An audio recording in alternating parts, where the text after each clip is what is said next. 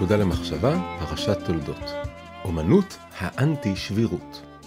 מה אתם מעדיפים להיות? נר עדין ושברירי, או מדורה גדולה וחזקה? לפי הפילוסוף נסים טלב, אין בכלל שאלה. הוא פותח את ספרו, אנטי שביר, במילים הבאות: הרוח מכבה את הנר, אך מחזקת את האש. כך גם עם אקראיות, אי ודאות, כאוס. אתם רוצים להשתמש בהם, לא להתחבא מהם. אתם רוצים להיות האש ולייחל לרוח. טלב, אמריקאי ממוצא לבנוני, הוא מומחה עולמי לנושא האקראיות, שהפך להיות מין גורו לאנשי עסקים ומאמנים.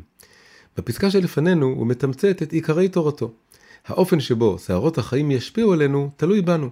אם אנחנו קטנים ופגיעים כמו נר, הם יכבו אותנו, אבל אם אנחנו גדולים וחזקים כמו מדורה, הם דווקא יחזקו אותנו.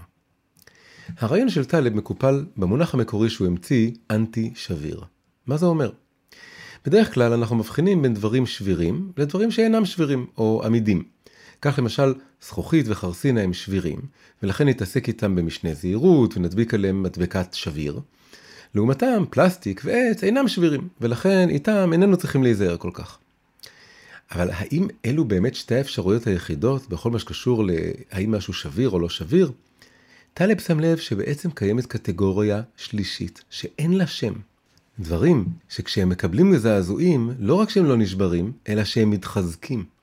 טלב החליט לכנות את הקטגוריה הזאת אנטי שביר, בגלל שהיא ההפך הגמור משבירות. בזמן שהדבר השביר, החבטות מזיקות לו, לדבר האנטי שביר הן דווקא מועילות. דוגמה מובהקת למשהו אנטי שביר הוא המערכת החיסונית שלנו. כשהמערכת החיסונית נפגשת עם חומרים העוינים לגוף, היא לומדת אותם ומפתחת נוגדנים כלפיהם. דוגמה נוספת היא שריר. כששריר מתאמץ, אז ברמה המיקרוסקופית הסיבים שלו נקרעים, אבל ברמת המקרו השריר כולו דווקא גדל ומתחזק. רוצים עוד דוגמה? המוח שלנו. כל תהליך של למידה והתפתחות קוגניטיבית כרוך בהתמודדות עם אתגרים וקשיים חדשים. זה לא מקרה ששלוש הדוגמאות שהבאתי לקוחות מגוף האדם. לפי טלב, בני אדם הם באופן כללי יצורים אנטי שבירים. איך הולכים הפתגמים העממיים? מה שלא הורג מחשל, אם קשה לך, סימן שאתה בעלייה. אנחנו כל הזמן צריכים לאתגר את עצמנו עם התמודדויות חדשות, אחרת פשוט נתנוון. התזה של טלב היא מרתקת, היא משכנעת, אבל נדמה לי שיש לפחות שני תחומי חיים שהיא פחות לוקחת בחשבון. התחום הראשון הוא חינוך ילדים. הגישה לפיה אנחנו צריכים להיות המדורה ולייחל לרוח, היא מתאימה לאימון עסקי ואישי לאנשים מבוגרים. אבל מה לגבי ילדים? האם גם בילדים אתם רוצים להאיץ שיהיו מדורה, אנחנו רוצים להעמיס עליהם כל מיני קשיים ואתגרים כדי שיהיו חזקים? האם לא מוטב לילד לגדול קודם כל מוגן, שמור, כלהבה עדינה, ורק אז יותר מאוחר להפוך למדורה? התחום השני הוא רוחניות. גישת המדורה מתאימה להתנהלות בעולם הזה, עולם הגוף, חיי המעשה. אבל מה עם הנשמה ששוכנת בתוך הגוף? האם גם במישור הרוחני אין מקום לעדינות, לענווה, לשבירות? לא במקרה, הדימוי המרכזי בתורה לנשמה הוא של נר, נר השם נשמת אדם. הנשמה היא עדינה, היא דורשת הגנה, לא טלטלות ורוחות עזות. המאפיין המשותף של שני הדברים האלה, החינוך והרוחניות, הוא תמימות. גם הילד וגם הנשמה זקוקים לסוג של תמימות כדי להתקיים. כמו ההגות של הרבה אינטלקטואלים, הפילוסופיה של טלב מתאימה לעולם המחוספס, הלא תמים, של המבוגרים, של חיי המעשה, אבל קצת קשה לתרגם אותה לעולם העדין יותר של חינוך ילדים ושל ניהול חיי נשמה, חיים רוחניים. האם אפשר לעשות תרגום כזה?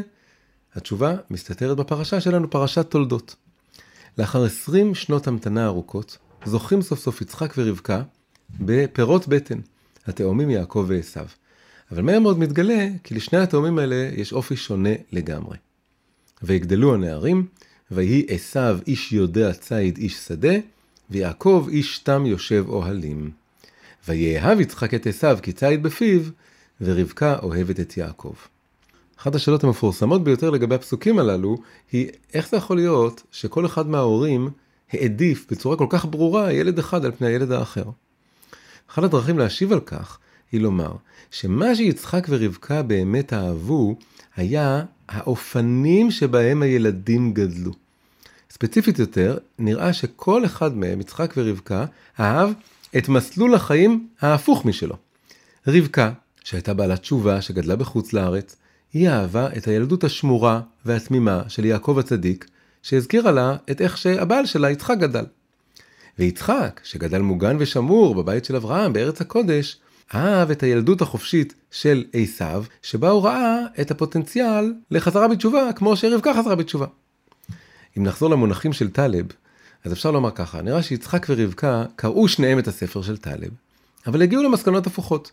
יצחק השתכנע, הוא רצה ילד שיהיה מדורה חזקה, ולכן הוא נהנה לראות את עשיו גדל, חשוף לרוחות העולם, והאמין שהוא בטח ככה יתחזק מאוד. ורבקה לא השתכנעה, היא רצתה ילד שיהיה כמו נר עדין, ולכן היא שמחה שיעקב גדל שמור באוהל. אבל ההמשך של הסיפור מחייב אותנו להגיע למסקנה מורכבת יותר. כשיעקב מתבגר, רבקה בעצמה דואגת להוציא אותו מאוהל התמימות, להפגיש אותו עם רוחות העולם ובעצם להפוך אותו למדורה גדולה וחזקה. הדבר הזה מתבטא קודם כל בככה שהיא מנחה אותו להתחפש לעשו ולקבל את הברכות של הבכור, ודבר שני, בזה שהיא דואגת שהוא יצא מארץ ישראל ויתמודד עם העולם שהיא גדלה בו, העולם של הארמים הרמאים והבלתי צפויים. רק שכעת אנחנו מבולבלים. הרבקה רוצה ילד שביר, או ילד אנטי שביר, היא רוצה ילד עדין כמו נר, או ילד חזק כמו מדורה, מה היא רוצה? התשובה היא שהיא רוצה את שתי התכונות. ומה שעוד יותר חשוב מזה, היא מבינה באיזה סדר צריך לבנות אותם. רבקה הייתה צעד אחד לפני טלב.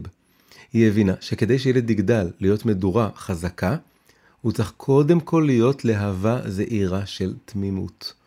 כך, כאשר הוא יגדל ויהפוך למדורה, הלהבה הזאת תמשיך לבעור בליבו פנימה, ותשמור על העדינות הפנימית של הנשמה שלו. העדינות, השבירה הזו, היא חיונית כדי לאזן את החספוס החיצוני שהחיכוך עם קשיי החיים הולך ויוצר בנו. נקודה למחשבה. הורים רבים רוצים לגדל את ילדיהם מוגנים בחממת האוהל. אחרים דווקא דוגלים בכך שהילדים ייחשפו מגיל צעיר לעובדות החיים, וכך ילמדו להתמודד איתן. רבקה מציעה לנו מודל שמשלב בין השניים. בתחילת הדרך צריך חינוך שמור המגונן על נר הנשמה העדין. אבל לא צריך להישאר שם. בהמשך צריך דווקא לחשוף את הילד לאט לאט לעולם ולהפוך אותו למדורה חזקה. זה השילוב המנצח שייצר את יעקב אבינו, ובהרחבה אפשר להגיד את כל העם היהודי. אתם רוצים להיות בחוץ מדורה, בפנים להבה זעירה.